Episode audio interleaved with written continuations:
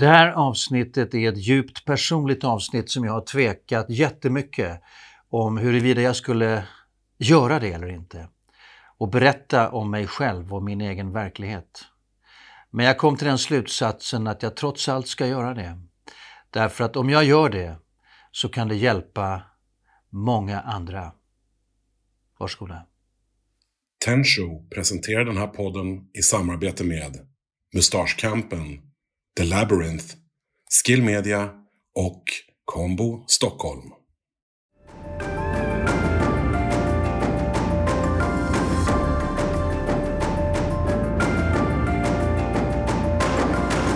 Professor Henrik Grönberg, du är professor i vad då? Cancerepidemiologi och onkologi. Cancerepidemiologi, alltså om det finns epidemiska aspekter på cancer? Nej, epidemiologi betyder egentligen läran om hur sjukdomar finns i samhället. Ah, okay. Hur vanlig den är eh, och så vidare. Vilka olika orsaker som finns till sjukdomar.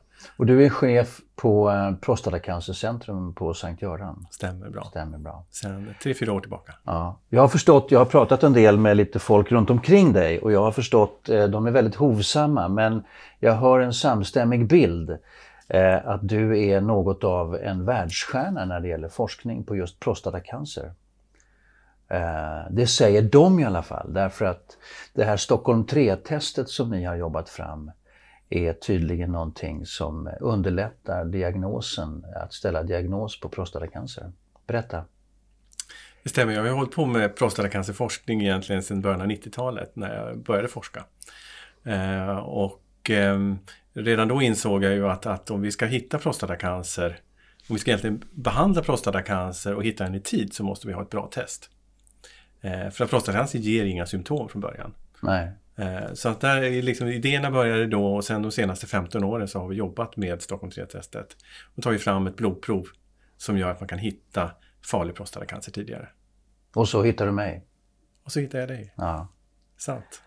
Precis, vi sitter här därför att eh, jag är din patient. Eh, är jag frisk nu? Ja, det hoppas jag. Mm. Okej. Okay. Ja. Men livet ger ju inga garantier och det, har, det här har vi ju liksom pratat om. Ja. Eh, och jag brukar säga till många av mina patienter, jag har ju haft, jag har hållit på med cancer sedan 1989. Det är alltså över 30 år. Mm. Eh, och träffat många patienter. Och eh, många patienter ställer frågan, är jag frisk nu doktorn? Precis som du gör, Mm. är jag frisk nu? Och säger ja men du har kommit till ett stadium där sannolikheten att du ska få tillbaka din cancer är mycket mindre än att det ska hända något annat elände i livet. Mm. Och då säger jag att det är liksom kommit till ett stadium att lägga det där bakom sig Ja. och leva livet ja. istället. Och du är där. Okej. För de som lyssnar och tittar på detta så kanske man ska då berätta att eh, jag hjälpte er eh, lite grann med en liten informationssnutt på min eh, Facebook-kanal när eh, det fanns tankar om huruvida eh, Socialstyrelsen skulle införa Stockholm 3-testet istället för det här gamla PSA-testet som är då lite gammeldags eh, och kanske få till en allmän screening av män. Och på så sätt så lärde jag komma i kontakt med dig. Och, eh, eh, jag gjorde det där och sen så sa någon av er att eh, har du tagit ett Stockholm 3-test själv? Nej det har jag inte, men jag har tagit PSA-prov någon gång här och där. Eh, och det var, eh, ja det var väl okej. Eh, men det var länge sedan nu. Och så tog jag ett sånt här Stockholm 3-test. Och det här var 2018. Problemet med mig var då att eh, jag hade gått och släpat på en ond höft väldigt länge.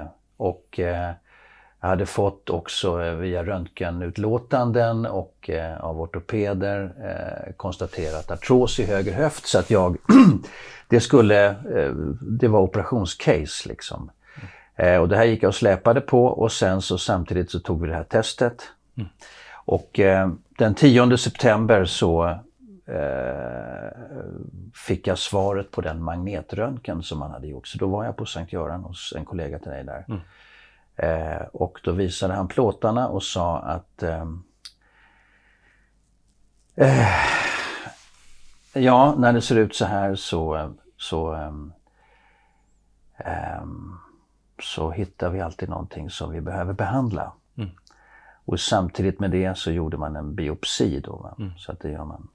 Och vilket inte är så roligt att göra. Men, eh, och då gick jag hem och eh, var lite grann i chock därför att givetvis så måste man ju invänta svaret på vad biopsin skulle ge och det skulle jag få den 25 mm. september. Eh, och då var jag i ganska stor chock och då började jag tänka på den här förbannade höften som plågade mig och så tänkte jag, vänta nu. jag... Shit alltså. Ska jag behöva ta en cancermatch här nu också, mitt uppe i alltihopa? Det måste jag ju för fan se till att göra på två ben. Jag kan ju inte halta på ett ben. Och ta den fighten också. Eh, och då började jag googla och sen så snabbt hittade jag någonting annat eh, i Belgien där det framgick att där kunde man leva på sitt liv som vanligt efter den, för det var en mm. annan typ av operation än vad vi gör här normalt i Sverige. Och jag skickade ner röntgenplåtarna och fick svar att ja, det här är solklart eh, operationscase så att mm. säga. Och du kan också göra den här, den här andra varianten som är lite lindrigare för dig.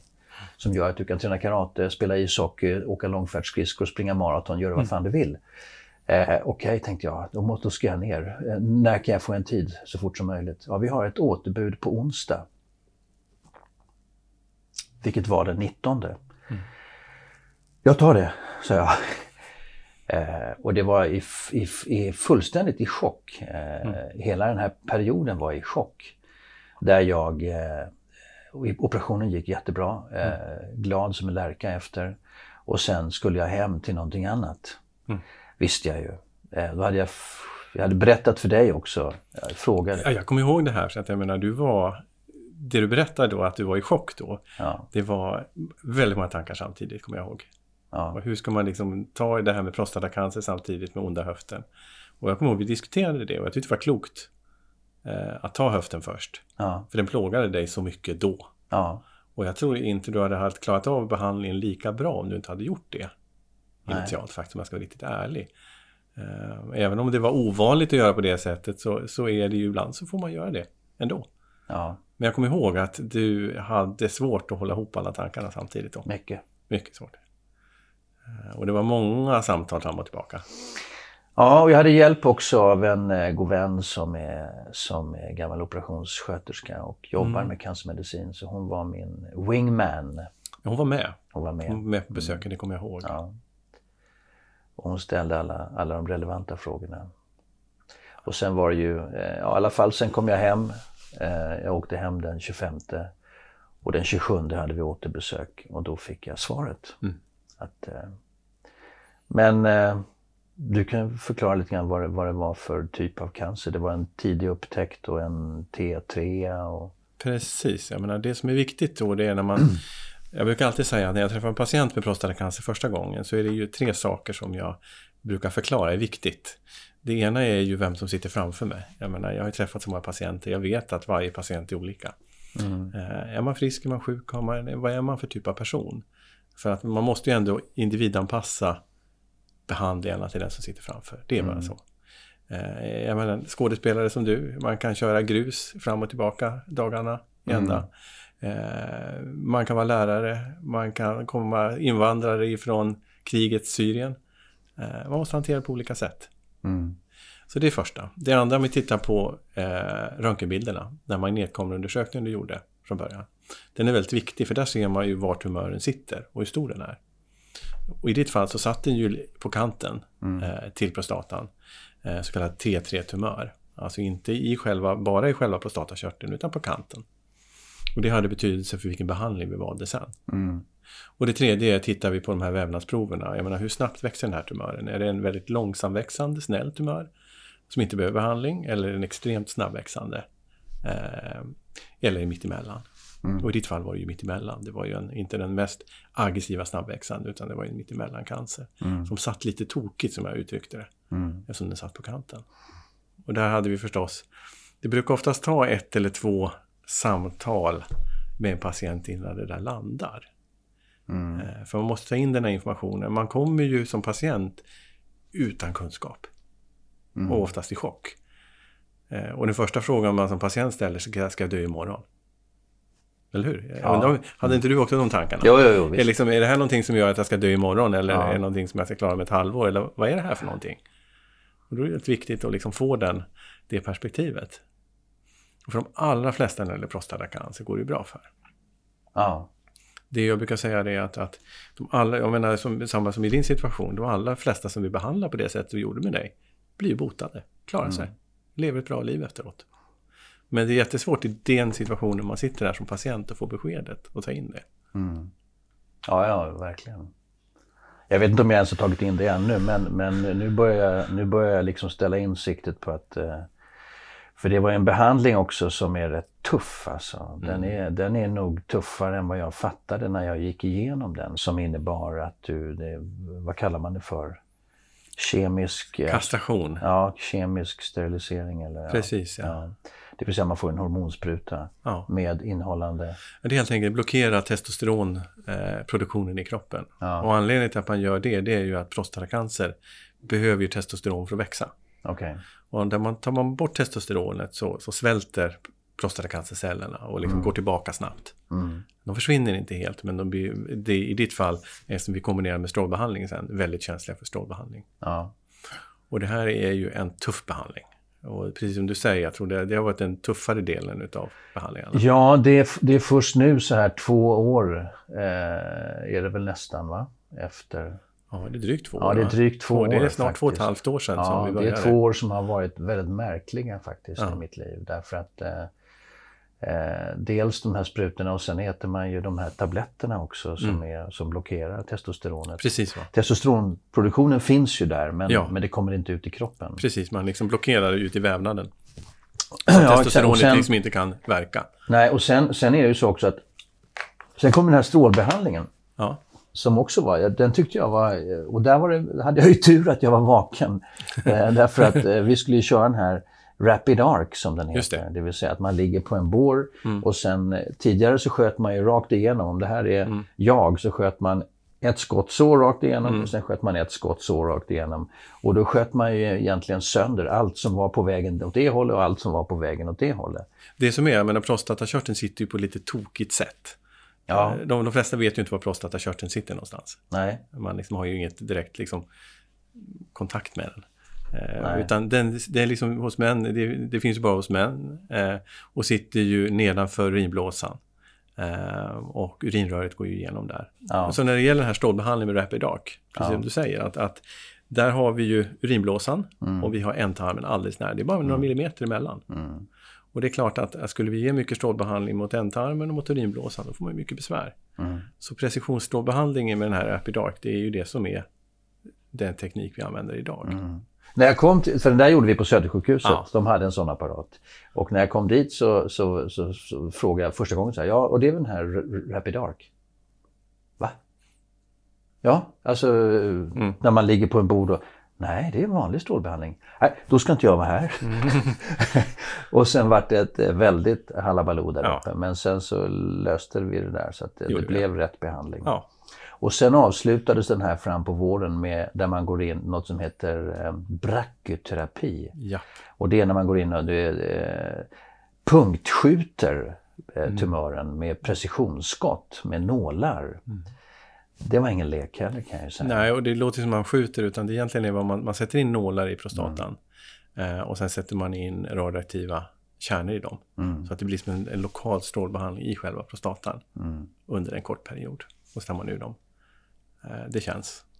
Ja, det kändes, det kändes, det kan jag säga. Och det, jag var borta när de gjorde det. Så att, eh, Jag bad dem att de skulle ta bort mig så att jag fick... fick Det är eh, klokt att sova då. Jag sov. Ja. Men eh, sen efter det så är det två års eh, hormonbehandling. Men det, det var mer än vad jag pallade. Så jag har slutat med din, med din inrådan lite tidigare. Mm, ett halvår före. Ja. För att det, det var tufft alltså. Vad var det, så, eh, det här Alltså, det det vad var det tuffa- som var så tufft i det här då? Det tuffa med den där hormonbehandlingen är ju den att du får en helt annan kropp. Eh, för det första ett, jag vet precis vad det är att, vara, att ha vallningar som kvinnor har i klimakteriet. Det har jag haft i eh, ett och ett halvt år. Då och då, det, det gav sig på slutet men, men, eh, men eh, obehagligt, väldigt obehagligt. Plötsligt sitter man någonstans och så känner man bara och så svettas man. Och så rinner det på ryggen. Och så rinner det på ryggen. Eh, och sen tröttheten som det till slut började ge. Ja. Att man inte orkade fysiskt. Eh, det var någon sjuksköterska där uppe som, eh, som sa ja, ja, det kommer bli lite, kommer bli- lite rund om magen och, och få lite pinniga ben. Ursäkta? Rund om magen och pinniga ben, vad snackar vi om nu? Ja, det är effekten av de här, de här tabletterna. Och man kan ju förklara det, då undrar man varför blir man... Jag menar, är det här någonting som du gjorde åt eller liksom skötte du inte på något sätt? Nej, det är inte så. Utan det här är ju en effekt utav behandlingen. Ja, det är det. Och det, det är ju viktigt att berätta det från början. För att det är ju... Det som händer då när vi tar bort testosteronet i kroppen för att behandla prostatacancer, det är ju att vi män producerar lite östrogen samtidigt. Mm. Och då blir ju liksom balansen mellan testosteron och östrogen, att det blir mycket mer relativt östrogen. Och det är därför vi har de här svettningarvallningarna. Det är därför vi får det här att vi, man, man ändrar på fettet, det kommer upp till magen. Och man tappar muskelmassa. Ja. Det är precis det som händer. Eh, och som tur är det här en begränsad tid. Eh, Ja. så att jag menar, man kommer ju tillbaka efteråt. Ja. Men det tar ett tag också. Det tar ett tag. Det, det, är liksom, det är ju inte över en natt eller på en vecka eller på en månad Nej. att komma tillbaka. Nej. Utan det är lång tid. Ja. Jag kämpade hela tiden med att träna och träna och Ja. träna. Och Och det säger jag åt mina patienter också. karate och allt möjligt. Ja. Alltså. Men eh, det började bli tufft på slutet. Ja, nu ska vi inte tjata mer om min... Eh, ja, det känns i alla fall skönt att ha kommit igenom detta och eh, vara ute på andra sidan. Jag har haft många och långa samtal med mig själv eh, och andra och även med dig eh, om huruvida jag ska liksom eh, berätta det här. I och med att jag är en offentlig person och skådespelare, ska jag verkligen berätta det här? Och min, min instinktiva reaktion är ju nej, det ska jag inte göra. Men sen finns det någonting, det finns en vinst i detta för andra människor. Därför att det är väldigt viktigt att man går och tar de här eh, PSA-proven. Eh, och det är också någonting som behöver förändras i vårt svenska samhälle vad det gäller sjukvården. Eh, och eh, kontra manligt och kvinnligt. Vi har ju till exempel allmänna screeningar för bröstcancer. Men vi har inga allmänna screeningar för prostatacancer. Ändå är det fler män som dör i prostatacancer än kvinnor som dör i, brö- i bröstcancer om jag inte har förstått saken helt fel. Helt rätt. Det är helt rätt. Det är ja. helt rätt, ja. Och jag menar, vi har ju screening både för bröstcancer och för livmoderhalscancer också. Den här cervixcancerscreeningen. Ja. eh, som är väl etablerad och fungerar väl. Och det är klart att nu har vi ju tillräckligt med data för att säga att prostatacancerscreening fungerar. Och att vi kan införa det. Eh, Men det är en fråga som, som tar tid oftast. Jag, jag kan, jag, det, det finns ju tre stora sjukdomar, man kan, eller fyra stora cancersjukdomar man kan hålla på med tidig diagnostik och screening. Och det är ju bröstcancer, livmoderhalscancer, tjock och ändtarmscancer och prostatacancer. Mm. Och kanske lungcancer. Eh, de två första, de har varit införda länge för bröst och livmoderhalscancer. Mm.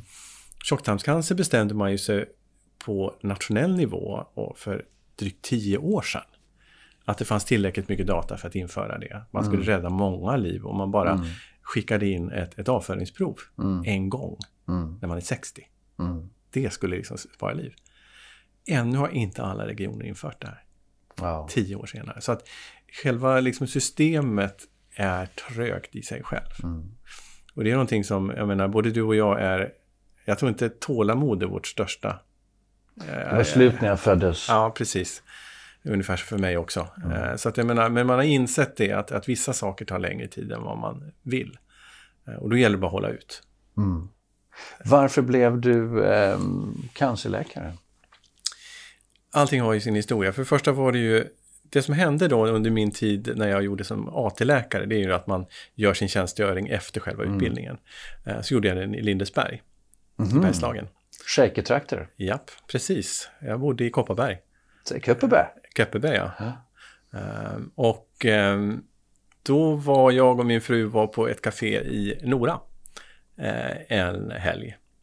Och då kom det plötsligt fram en man till mig och sa Doktorn, du räddade mitt liv. Ah, Och jag kände ju inte igen karln. nej. Och han sa, nej men du tog emot mig för ungefär två månader sedan på akuten i Lindesberg. Jaha, sa jag. Då kom jag på vem det var. Det var alltså en man som kom in med spridd prostatacancer. Mm. Och var egentligen, han, han kunde inte stå på benen. Oj. Eh, och då på den tiden så, så, tog vi bort testiklarna. Det var ju det på det sättet man liksom behandlade spridd prostatacancer. Det är ju effektivaste sättet att och, eh, få bort testosteronet. Wow. Vi hade inte sprutna på den tiden utan då tog man bort testiklarna. På den tiden gjorde man så? Ja. Och eh, han blev, det som hände då det var ju att, att eh, har man en bra effekt av det så kan man ju bli helt symptomfri och må bra. Okay. Eh, och då kom han fram till mig och sa det att doktorn, du har räddat mitt liv.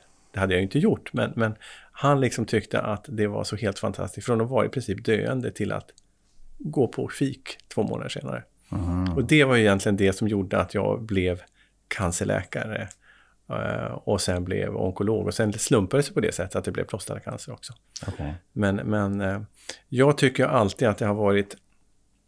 Cancer är ju en spännande sjukdom på det sättet att det är en svår sjukdom. Uh, det vi gör som läkare och som sjuksköterskor, det har betydelse. Mm. Alltså det, det är liksom, vare sig vi räddar en patient till livet eller inte, så den, på det sättet vi tar hand om patienten och den behandling vi ger har alltid betydelse. Så att det är liksom, det är hela tiden, man kan liksom inte göra det här med, med ena, ena handen eller ena, ena hjärnhalvan, utan man måste faktiskt tänka. Mm. Så att det här har varit en spännande utmaning för mig hela tiden. Hur kom ni in och började forska? Eh, jag hade ju aldrig, många började ju forska under utbildningen, man gjorde, gjorde, mm. gjorde som amanuensis, men jag var ju eh, inte åt det hållet då, utan jag höll ju på med studentkören och Medicina Spex. Så att jag menar, det, det var ju det som jag tyckte var roligt under studenttiden, och plugga förstås. Eh, men sen så när jag började som ung onkologläkare i Umeå så tänkte jag att nej, men det här med forskning är ändå spännande. Jag, vill ju, jag såg ju att vi, vi misslyckades ju tyvärr allt för ofta. Mm. Och jag vill ju liksom, jag är inte, jag är inte nöjd. Eh, så därför började jag forska. Och då blev det prostatacancer. Och då gjorde jag en, en avhandling på genetik och orsakerna till prostatacancer eh, under mitten av 90-talet i Umeå. Så disputerade jag det som det heter, att man skriver en vetenskaplig avhandling eh, 95. Och samtidigt som jag blev klar cancerläkare då. Mm. Eh, så vitt jag förstår så är forskningen just inom cancerområdet väldigt spännande just nu där man börjar gå in på protein och det här, det här, eh, den här Stockholm 3-testet mm. som ni har tagit fram, eh, eller som du har tagit fram. Ja. Den är ju världsunik om jag förstår saken rätt. Precis, det är egentligen första gången man kombinerar tre saker samtidigt i ett test. Vi kombinerar proteinmarkörer, alltså äggviteämnen som man mm. kan mäta i blodet. Det är PSA är ett sånt, mm. prostataspecifikt antigen. Mm. Uh, men så finns det massa andra proteiner i blodet också. Och i det här kombinerar vi fem olika proteiner samtidigt. Och så kombinerar vi det med ungefär 100 genetiska markörer. Alltså som, som säger om man har en, en ärftlig benägenhet att få prostatacancer. Mm. Uh, med klinisk information. Uh, har man det i släkten eller inte? Har man eh, tagit vävnadsprover eller inte, äter man vissa mediciner. För det har betydelse hur man ska tolka det här resultatet. Mm. Och det är första gången vi sätter ihop det här till ett och samma ett enkelt prov. Är liksom det, det, är liksom, det är enkelt att ta. Det är ett blodprov. Det, det, det, det är ett blodprov. Mm. Det är enkelt att ta. Det är ganska svårt att analysera och det är Mm. enkelt att tolka. Okay.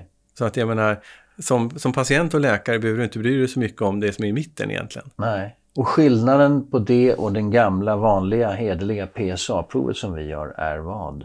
Enkelt uttryckt. Enkelt uttryckt är att, att PSA-provet är inte tillräckligt träffsäkert. Det missar ungefär en tredjedel av den allvarliga cancer som ska behandlas. Wow. För att man ligger under den här brytpunkten på Wow. tre eller fyra, beroende på vad man använder. Okej. Och sen så är det så att man har ett förhöjt PSA, så är det ju över tre, så är det i 70-80% av fallen inte farlig prostatacancer. Det är alltså det falskt positiva. Mm. Och vad Stockholm 3 gör, det är att hitta de här cancerna i de, i de lägre PSA-nivåerna. Men också mycket mer träffsäker i de högre PSA-nivåerna. Så att man med, med, med- det så behöver man inte gå in och göra en, en sån här biopsi i onödan bara Nej. för att man har över tre. Precis, alltså man tar bort mycket av det onödiga som man gör i, eller har gjort kan vi säga, eh, tidigare. För det är ett herrans lidande att ta ett sånt här biopsi. Ja, kan jag säga. Det är ingen lek. Alltså. Nej. Och jag, tidigare så, har- så vitt jag förstår så finns det biverkningar som är mm, skräckinjagande för en man. Precis. Om man, om, om man pratar om själva vävnadspåtagningen av, av prostatan så är det ju så att vi har ju traditionellt sett gått igenom ändtarmen Mm. när vi tar de här. Man gör det i ett ultraljud, man stoppar in en ultraljudsprob i ändan Mm. och sen via den så tar man små vävnadsprover Mm. in i prostatan och då går man igenom ändtarmslemhinnan och där Mm. finns det ju massor med bakterier. Okej. Och då är ungefär 5% en utav 20 får blodförgiftning efteråt. Wow. Eh, nu har ju vi på Sankt Göran sett att det där är liksom inte hållbart utan vi har ju också utvecklat en teknik där vi går med runt huden, runt ändtarmen istället. Då Mhm. slipper vi det här problemet. Okej. Men eh, det är liksom en, det är egentligen ett sidospår. Men Stockholm 3-provet tar bort mycket av de onödiga biopsierna. Plus att man hittar. Plus att man hittar Ja. fler än vad har Då kan jag inte begripa för min vildaste fantasi varför vi inte har infört allmän screening med Stockholm 3-test för svenska befolkningen, den manliga befolkningen. Ja, Då, tar jag den här parallellen med egentligen tjocktarmsscreeningen. Tjock och ändtarmsscreeningen. Det har man vetat i tio år. Ja, och det har ändå bara- inte genomförts. Ännu inte genomförts. Ja. För man inte har prioriterat. Så att det, det är långa processer, tålamod, Stefan. Det är många människor som dör i onödan. Ja, så är det ju. Och är det, är det, handlar det om pengar? Eller vad handlar det om? Är det, är, är det återigen eh, politisk inkompetens att, att politiker eh, ska in och styra i verksamheter som de egentligen inte ska styra i? Eller, eller vad handlar det om? Jag tror att det är mera själva styrmekanismen i, i sjukvård, hälso och sjukvården som helhet. Jag menar, det, är ju, det finns ju tre spelare i, i svensk sjukvård. Det är ju professionen, det är läkare. Mm, Det är liksom tjänstemän. mm, De får inte glömma bort. Och så finns det politiker. mm, Ibland så tror jag politiker får oskylt eh, mycket skit för vad de gör. Det är oftast inte de som sitter och bromsar. utan tjänstemännen. Tjänstemännen och ibland också professionen, läkarna. Ehm, och här gäller det att liksom på något sätt styra igenom den här, det, här, eh, det här ganska svåra landskapet. Jag tycker det är en förbannad skandal för att uttrycka det på ren, på ren svenska. Det, det, det måste Ja. jag säga. Vi har, nu får du rätta mig om jag har fel, jag pluggar på lite grann, men, men när det gäller eh, gynekologer så har vi säkert någonstans över 3000 i Sverige. Mm. Men det finns bara 400 urologer i Sverige. Ja, Och de är koncentrerade till storstadsregionerna. ja, Det innebär att om man bor i norra Dalarna som till exempel, som har sämst, eh, alltså det värst drabbade, alltså dödlighet i prostatacancer i Sverige. Bor man i norra Dalarna så kanske man har 30 mil att åka för att eh, ta ett PSA-prov av den gamla stammen, den gamla formen som inte ger några vettiga resultat eller som inte ger skarpa resultat. och jag tror inte att- ens att du behöver bo i norra Dalarna. Det räcker med att du bor i centrala Dalarna. Ja, Så det finns faktiskt, jag menar, är, om man tittar över landet så är det väldigt olika hur mycket eh, urologi som finns. Alltså det är liksom första delen i den här diagnostiken av prostatacancer. Du kan gå till Norrland, du kan gå till Gävleborg, du kan gå till andra delar av Sverige så ser det ut. det där är ju någonting att jobba på. Ja, precis. Vi, eh, vi kanske kommer tillbaka till det. Vi kan komma tillbaka till det. Ja. Har du några frågor? Ja, alltså jag är nyfiken på dig Stefan. Jag Kom. menar, du är ju en offentlig person precis som du sa. Och, och eh, eh, vi har ju träffats ganska många gånger som patient, läkare Ja. i den relationen, men aldrig suttit på det här sättet. Nej, Så vi har ju egentligen aldrig pratat om andra personliga saker nej. Livet. livet. Mer än att du har berättat om dina safariresor ner till Afrika ibland. Det har du gjort. Men om vi tar den här, vi tar eh, skådespelare. Ja. Det är du. Ja, oh ja. Det är min, det är min grund. Det- Core det- business som man säger. Jag menar det. Ibland så tittar man tillbaka, i, det finns i släkten. Jag menar, eh, i min släkt så är jag avfällingen. Jag menar, tittar man på min pappas sida Ja. eh, så är det sju generationer av civilingenjörer. Oj. Ifrån, eh, ifrån järnverken i Värmland, Ja. 1700-talet. Okej. Min farfar, min pappa, min brorsa Okej. är civilingenjör. Men jag blev läkare av Okej. en anledning. Eh, men du då? Jag menar, har du liksom sju generationer av, skådespelare? Nej. Eller? Nej. Eh, det fanns, eh, jag hade två morbröder som dog tidigt. De var Mm. 27 och 20. Den ena fick blodförgiftning efter en eh, blindtarmsoperation. Den andra dog i tbc.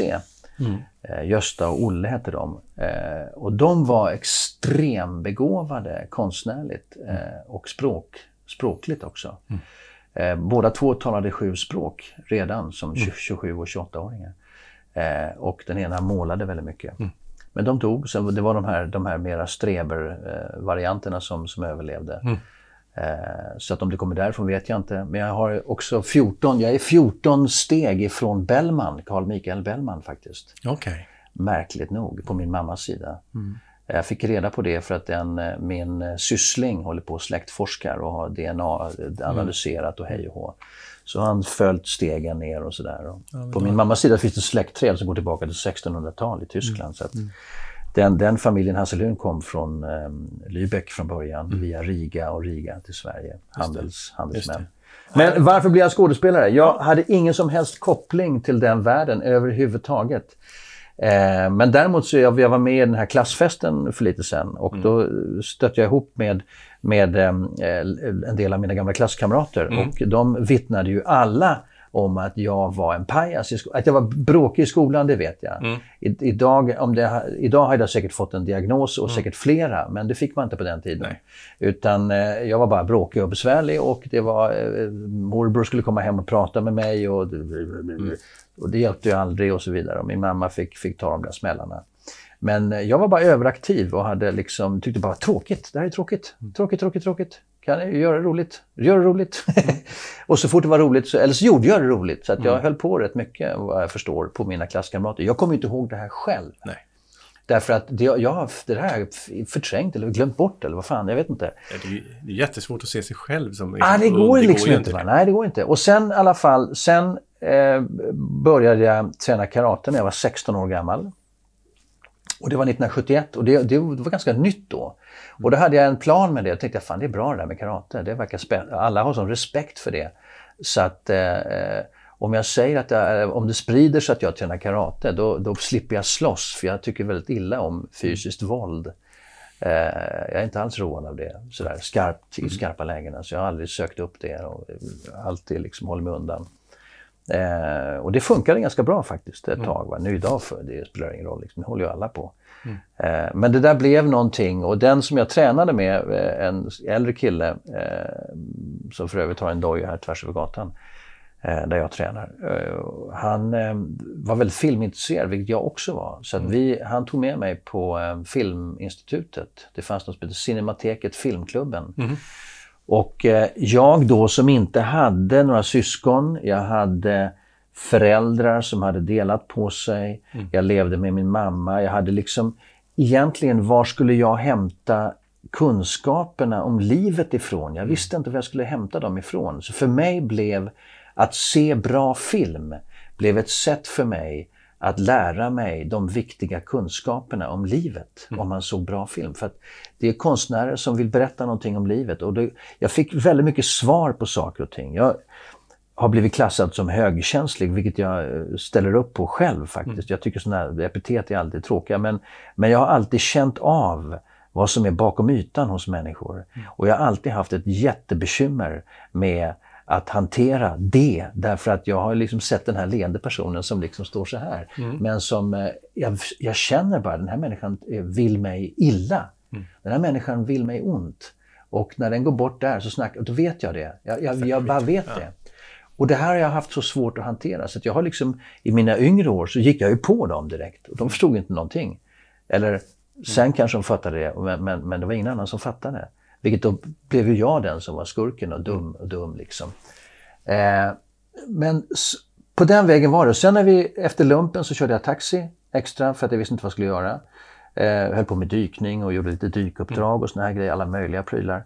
Eh, och sen, eh, så en natt, en, då var det en kille som, som körde taxi extra. Vi brukade ses och fika ibland. Och då sa han, äh, fan du får hålla tummarna för mig på fredag. Ja, vadå då? Nej, jag ska söka scenskolan, Statens scenskola. Vad heter det sa du? Ja, statens, vad, vad är det för någonting? Ja, men det, man blir det, skådespelarutbildning, man, man, man blir skådespelare. Finns det en skola för det? Ja, ja, visste du inte det? Nej, ingen aning. Shit, tänkte jag, det finns en skola för att, man- för att bli skådespelare som är statlig. Hmm. Tänkte jag. Han kom inte in och så tänkte jag på det här rätt mycket och sen en natt så körde jag en kvinnlig skådespelerska och det grämer mig oerhört att jag inte kommer ihåg hennes namn. Eller att jag inte frågade vad hon hette. Men sent en, en natt i Stockholm i taxin sitter hon i baksätet, jag kör. Eh, och eh, så frågar jag liksom, hon frågar vad jag gjorde.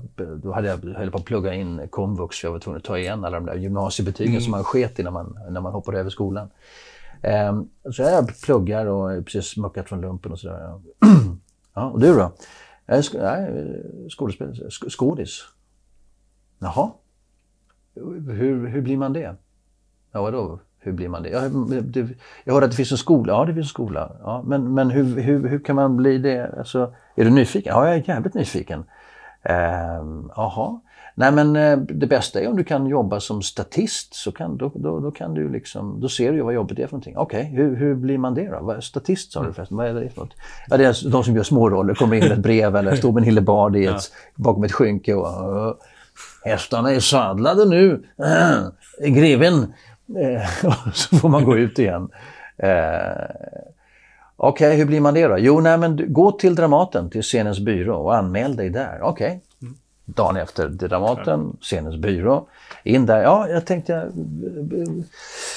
skulle vilja börja jobba som statist här. Kan man, eh, ja, har du med dig något papper och, och, CV och, och, och, ett foto? Nej. Ja, men det måste du ha. Du måste för att, ja, okej okay, Men då fixar jag det. Så kommer jag tillbaka dagen efter. Foto, CV, jag har skrivit upp vem jag är, vad jag har gjort och bla bla bla. Okej, okay, bra, tack, det ser bra ut, det är fint här. Så tog hon fram en perm och så, du vet, en sån här bauta-perm och liksom... Och så eh, skulle den här bilden in där då. Vänta nu ett tag. Eh, är, det där, är de där eh, som, är de också statister, de som sitter i permen där? Ja, just det, det är de. Och den permen också är, och sen kommer tjejerna där borta. Okej, okay, då fattar jag att det här kommer, det, om det händer så why should it happen? Så att, ja, men kan man inte bara få sitta med och titta på, eh, se hur det går till? Ja, du vill askultera menar du? Mm. Förlåt? Ja, du vill askultera? Ja, ja visst. Eh, eh ja, alltså titta på. Ja, ja, ja, just det. Askultera vill jag göra. Ja. Ja, kan vi se vad vi har för pjäser. På måndag startar repetitionen av Smutsig byk här. Eh, Lars-Göran Karlsson är regissör. Du kan få telefonnumret. Ja, det var det mycket enklare på den tiden. Du kan, få, kan du ringa honom själv och, och fråga ifall du mm. kan askultera. Tack. Ringer. Ja, ja, men kom ut till mig då, göteborgare. I Enskede på lördag så kan vi eh, på, eh, ses då så kan vi snacka lite och så får vi se om det är någon kemi sådär. Va? Åkte jag ut till honom, hälsade på honom. Kemi, absolut. Funkade. Mm. Ja, vi ses på måndag klockan 10. Helt underbart egentligen. På den vägen var det. Sen ja. med honom och med det arbetet så blev jag också, lärde jag känna Ernst-Hugo Järegård. Mm. Eh, Ernst-Hugo skulle göra Rikard III på Dramaten, vilket han också gjorde. Mm. Då var jag regiassistent åt Lars-Göran. Och eh, då... Eh, alltså han blev min mentor. Fast det bara var så. Men, men det var inget ord som man använde på den tiden. Mm. Men, men så här i efter, efterhand kan jag ju liksom se att precis så var det. Mm. Därför att jag läste emot honom varje dag alla, jag spelade alla rollerna mot honom. Så att han skulle lära sig läxan. Därför du tar in, du lär dig utan till dubbelt, fem gånger snabbare om du tar in det via, via hörseln än att du tittar på texten och sen försöker lära utan till. Då, då har hjärnan liksom, mm. Eh, du, du, du, aktiverar minnet på ett annat sätt om du tar det via hörseln. Därför synen slår ut eh, på något underligt sätt.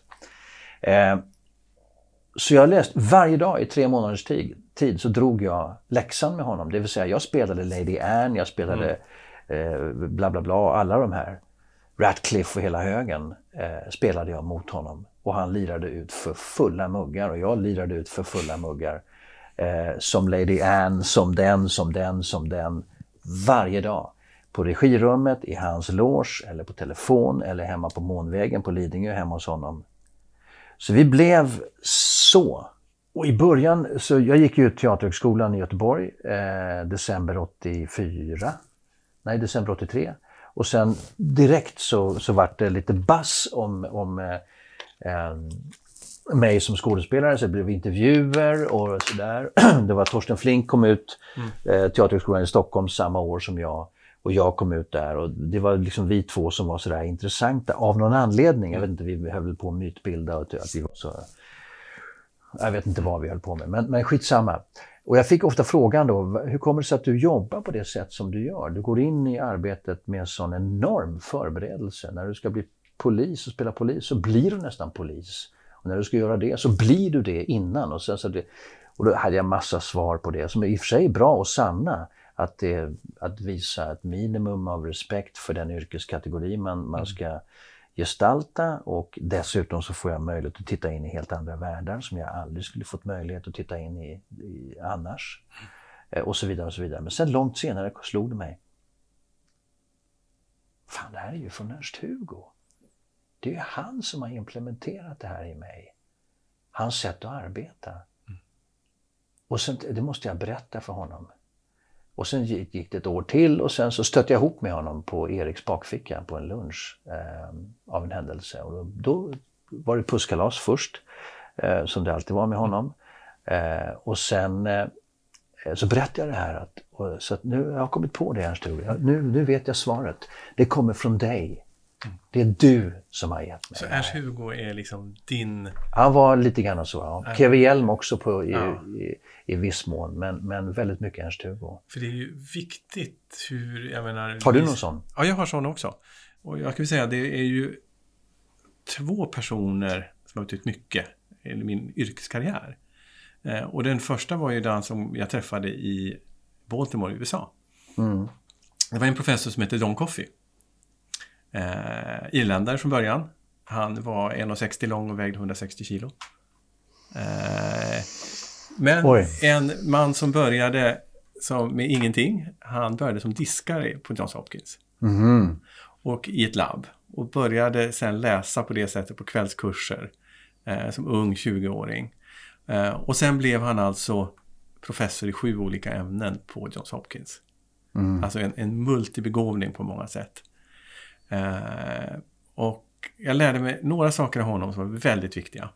Det ena är att man ska ha respekt för alla runt omkring. Mm. Jag menar när han var på labbet, eh, som han var chef för, så då frågade han alltid, ja, man frågade alltid de som var runt omkring. Hon som städade frågade, ja men hur är det med, hur är det med sonen där som hade haft lite problem? Så han mm. hade stenkoll på människorna runt omkring. Så liksom det, den mänskliga delen fanns hela tiden där. Mm. Eh, och det andra var, han var ju liksom stentuff. Förstås. Mm. Eh, jag menar, kommer man som ny doktorand eller som ny forskare till honom så sa han, ja, men kom in på mitt, på, på mitt rum eh, så ska vi prata om ett vetenskapligt problem i två timmar.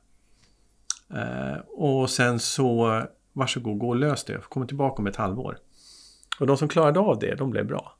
Mm. Det är klart, det var många som sållades bort där. Mm.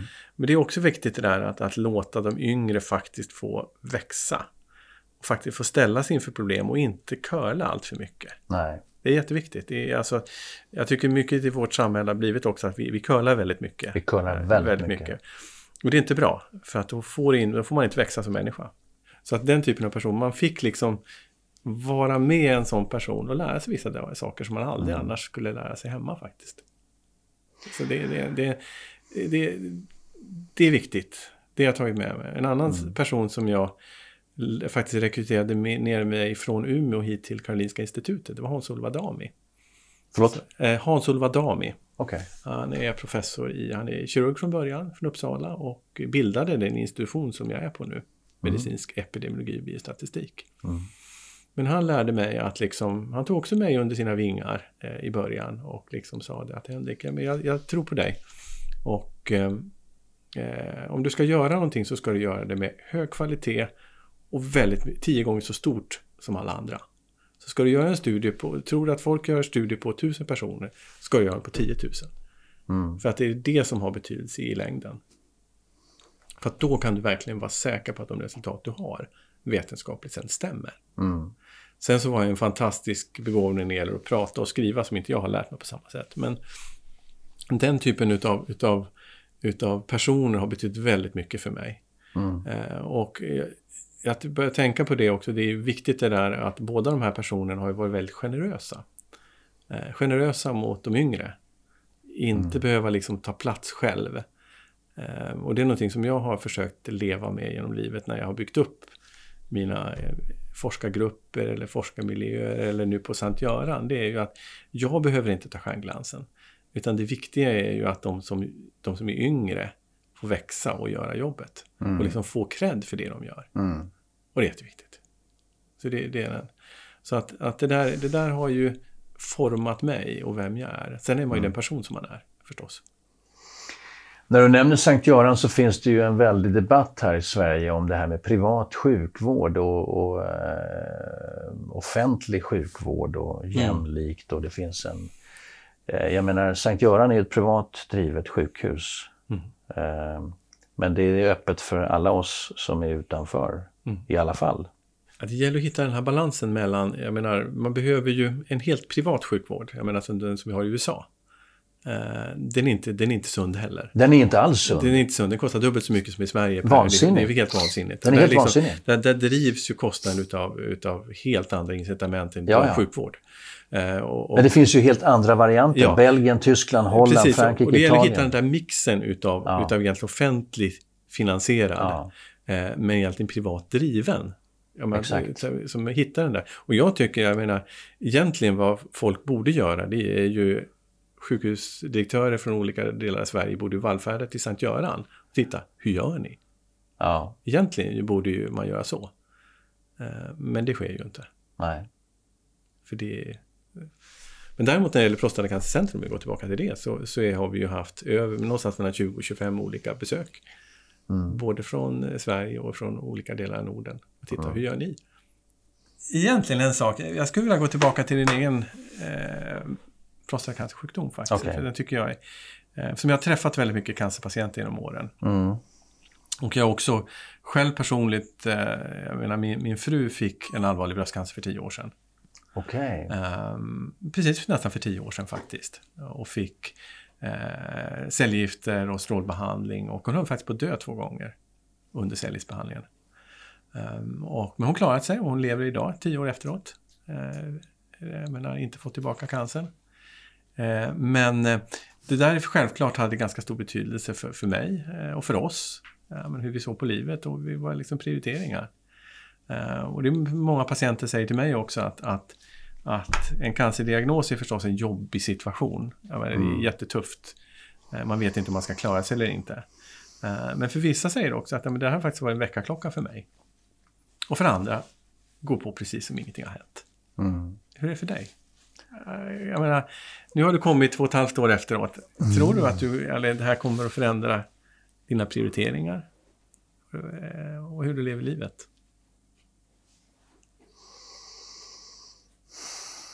Ja, det är ju en extremt omvälvande eh, situation att eh, få ett sånt där besked. Därför att då, då blir man plötsligt abrupt och brutalt påmind om att livet är ändligt och det kanske tar slut snabbare än vad jag kanske hade önskat mig. Eh, så att man påbörjar ju en process att eh, okej, vad, har jag, vad ska jag göra? Vad, vad behöver jag göra? Vad behöver jag inte göra? Vad är viktigt? Vad är inte viktigt? Det är ju sådana saker som, eh, jag menar det är som under pandemin här också så är det ju så att vissa saker bl- blir viktigare. Eh, det vill säga familj, nära vänner, nära relationer. Det är det som är det viktiga. Resten kan du bara slänga, faktiskt. Eh, Allt annat är oväsentligt och det är det vi kanske ibland ägnar minst tid åt. Därför vi har så bråttom att syssla med någonting som inte har med livet att göra. Och som inte har med det här att göra. Eh, för det är ju sådana här samtal, till exempel sådana här möten som vi har nu, som man hämtar också liv. Eh, så är det. Men, men eh, eh, jag har, ja, det kommer nog, det, det, det förändrade mig. Jag, jag boxade ju in och bara körde in ett sånt där spår. Nu ska jag ta den här fighten och det, då är det bara den fighten som gäller. Punkt. Så, att, så att det är först nu jag kanske börjar Det existentiella. Jag menar, Ja. jag har ju levt som, jag har ju levt med cancer. Ja, Eh, personligen då i tio år, men också som, som, som läkare. Vi träffat, träffar ju människor eh, varje dag eller varje vecka med den här sjukdomen. Och eh, det har själv på, påverkat mig också självklart som person. ja, Det, an- annars Det måste det, det det. måste det göra. Va? Och jag menar, i, en viss del av livet eh, så liksom kommer man till den sagt att man ska egentligen leva livet, det här är min devis, leva livet som skulle det sluta imorgon. ja, Och jag tittar tillbaka så man kunna säga, ja men det blev ganska bra. ja. För man, man, man kan liksom, man måste ju, och det, av det lär man sig att leva i nuet. Ja. Och det är på ett sätt som, det, många av de diskussioner jag och min fru hade eh, kring det här, liksom att, att faktiskt inte planera speciellt långt i förväg. Nej. Alltså, för mig har ju liksom den här tidshorisonten och planeringen har blivit kortare och kortare. Mm. Eh, och i, slutar man planera riktigt på, Ja. på, på, på det sättet, utan man, man lever livet. Precis som du säger att de är liksom nära och kära. Jag har ju tre barn och två barnbarn och så vidare. De bor nära oss. Vi umgås mycket. Mm. Det är viktigt. Det är det som är viktigt. Ja, det är det. Det är inte, det är inte en ny båt eller en ny fin bil. Nej, Faktiskt. ibland kan det vara det också. Ja, ja, har jag bara några år kvar då ska jag fan med köra. Ja, men det, men det kanske är det som är viktigt. Men, men, men du måste ju ställa, ja, man säger, Ja. vad som är rätt och fel i det här. Men jag menar, du är ju en tänkande person, så jag tror att du kommer att ha de här tankarna. Jag har de här tankarna, jag har haft dem hela tiden. Ja. Och jag hade dem väldigt starkt en period där jag gick in i mycket existentiella livsfrågor och eh, eh, faktiskt sådär. Och det, man slutar, man kommer ändå alltid ner till att, ja men, jag har, jag har ju levt, jag har levt. Ja, Jag har haft förmånen att leva mm. och det tror jag är jätteviktigt. ett rikt liv. Eh, och jag har gjort det jag har velat. Ja. Och jag har inte varit rädd för att leva. Eh, sen kan jag vara lite försiktig när det gäller relationer, men det, det, det, det är en annan sak. Nya relationer, det vill säga. Ja. Ja. Eh, men eh, absolut. Nej, det. Så att eh, det, det, det påverkar enormt. Mm. Och jag tror du måste få göra det också. Jag, jag, Ja, det- det, det- är liksom... De som inte stannar till och reflekterar i sådana situationer, de, de blir inte riktigt lyckliga tror jag. Nej, Ehm, Men man måste ju, oftast orkar man inte med det när man är mitt inne i behandlingen. Eller Nej, mitt det- inne i liksom sjukdomsprocessen. Och för det, då, då, blir det, då blir det kaos. Ja det, det skulle jag nog säga. Utan det gäller ju att det liksom, jag brukar säga till mina patienter att jag menar, under själva behandlingen, då ska man kämpa precis som det gäller. Ja. Orka med de här behandlingarna. Ja. Då, är det, då är det bara en sak som gäller. Nu ska jag igenom det här. Ja. Sen så de flesta patienter brukar säga sen ett halvår, ett år efteråt, ja men då blir man lite deppad. Mm. För man liksom kommer ner i liksom den här liksom reflektionsfasen. Och det kan vara ganska tuff. ja, den hade jag nu eh, hela hösten kan jag Ja, säga. precis. Det är ganska vanligt och det är ganska Ja. naturligt för de har liksom gått igenom behandlingen och sen så pff, pyser man lite grann. Ja. Då blir det punka. Ja, det punkar ju, det, det kan jag säga. Så att, och sen så lite grann gäller då att nästa fas det är att man börjar reflektera över okej, vad betyder det här egentligen? Mm. Och du, du ställde frågan från början, är, är jag liksom frisk nu? Ja, ja, men du ska anse dig vara frisk. Mm. Du, ska, du ska leva som det. Ja, jag hörde ett, ett vackert uttryck. Det var någon som sa att det här med cancer, det är canceröverlevare eller touched by cancer. Mm. Att, eh, för att bota är alltid med en viss modifikation. Och det tror jag är viktigt det där med, om man kunna leva i nuet så, Ja. så måste man faktiskt koppla bort vissa saker. Man måste koppla bort vissa saker. Och man måste, det, det och det tror jag, jag menar, gå igen till det här med, med patient-läkarrelationen. Mm. Tyvärr är allt för många gånger jag har hört patienter som känner att ja, men doktorn var faktiskt inte intresserad av mig. Mhm. Men det är en av de viktigaste sakerna som jag har som, som, som läkare. Det är att liksom, ett, skapa förtroende. Mm. Skapa ett intresse. För mig, jag menar som, som läkare, jag har hållit på i ja, nu 35 år plus. Mm. Eh, Så kanske inte det är de medicinska frågeställningarna som är de, de svåra idag. För att jag menar, det, det, det, det har man lärt sig. Mm. Utan utmaningen nu det är ju att när det sitter en person framför en, att vara tillräckligt intresserad och förstå vem det är som sitter framför mig. Mm.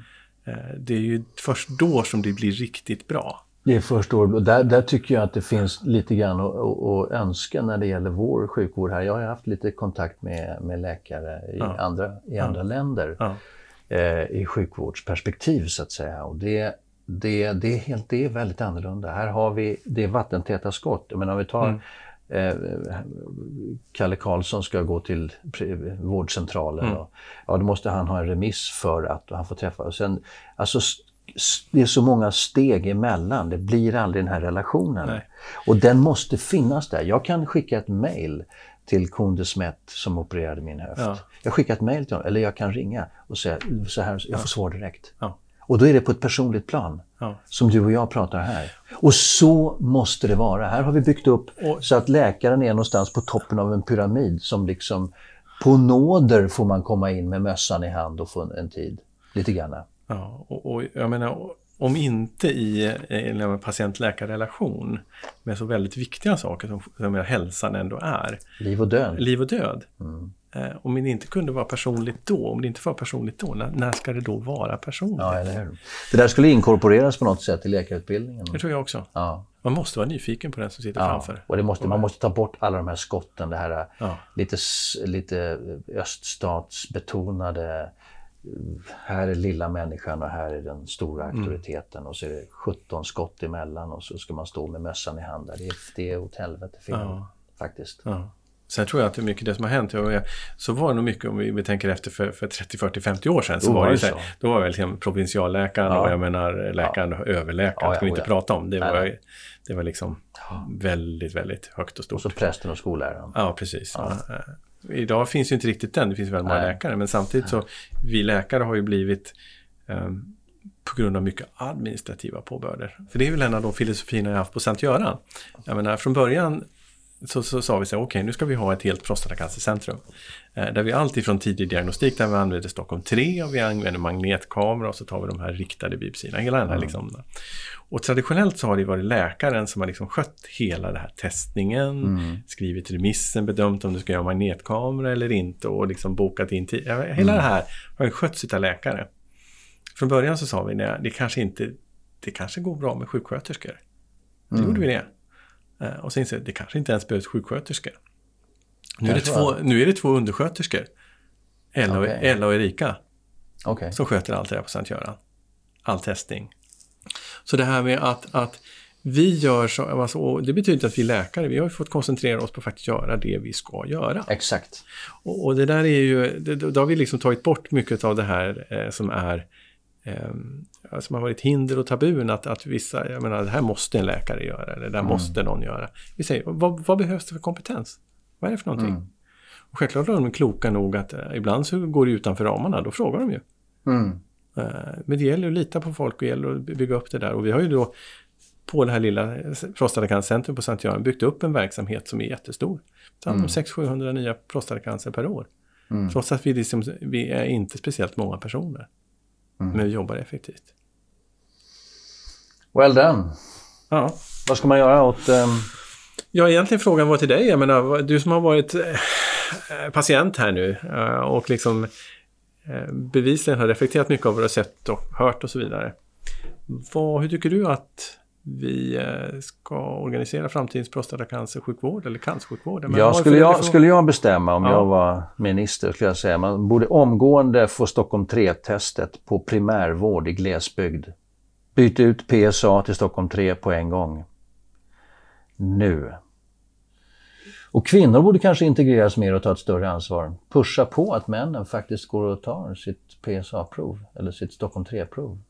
Det är trots allt... Eh, Absolut, ja. jag menar, det är ju så att, att, det är ju så att vi män är ju ganska dåliga på att söka sjukvård. Ja, vi är urusla på det. Eh, urusla, vi är liksom ja. vi lite skämmigt och så vidare. Ja. Eh, Men istället för att gå ut i... Som den här personen som, har, som, har, som jag pratade med, Marianne här, ja. sa att i, i Dalarna när man får ett sånt där, då, då liksom, de går ut och tar hagelbössan i vedboden. Ja. Istället för att åka in och få ett finger i rumpan och, mm. och med allt vad det innebär och sen se hela den res, resan framför sig. Som idag faktiskt du kan bli rehabiliterad så pass att du kan ha ett fullödigt liv efteråt. Absolut. På alla plan. Sen var det intressant vad som händer med cancervården i, i framtiden med de här... Med att du, det här är ju liksom det här med att biomarkörer och att man kan upptäcka olika cancerformer. Jag förstår att du är, ni är först i världen med detta.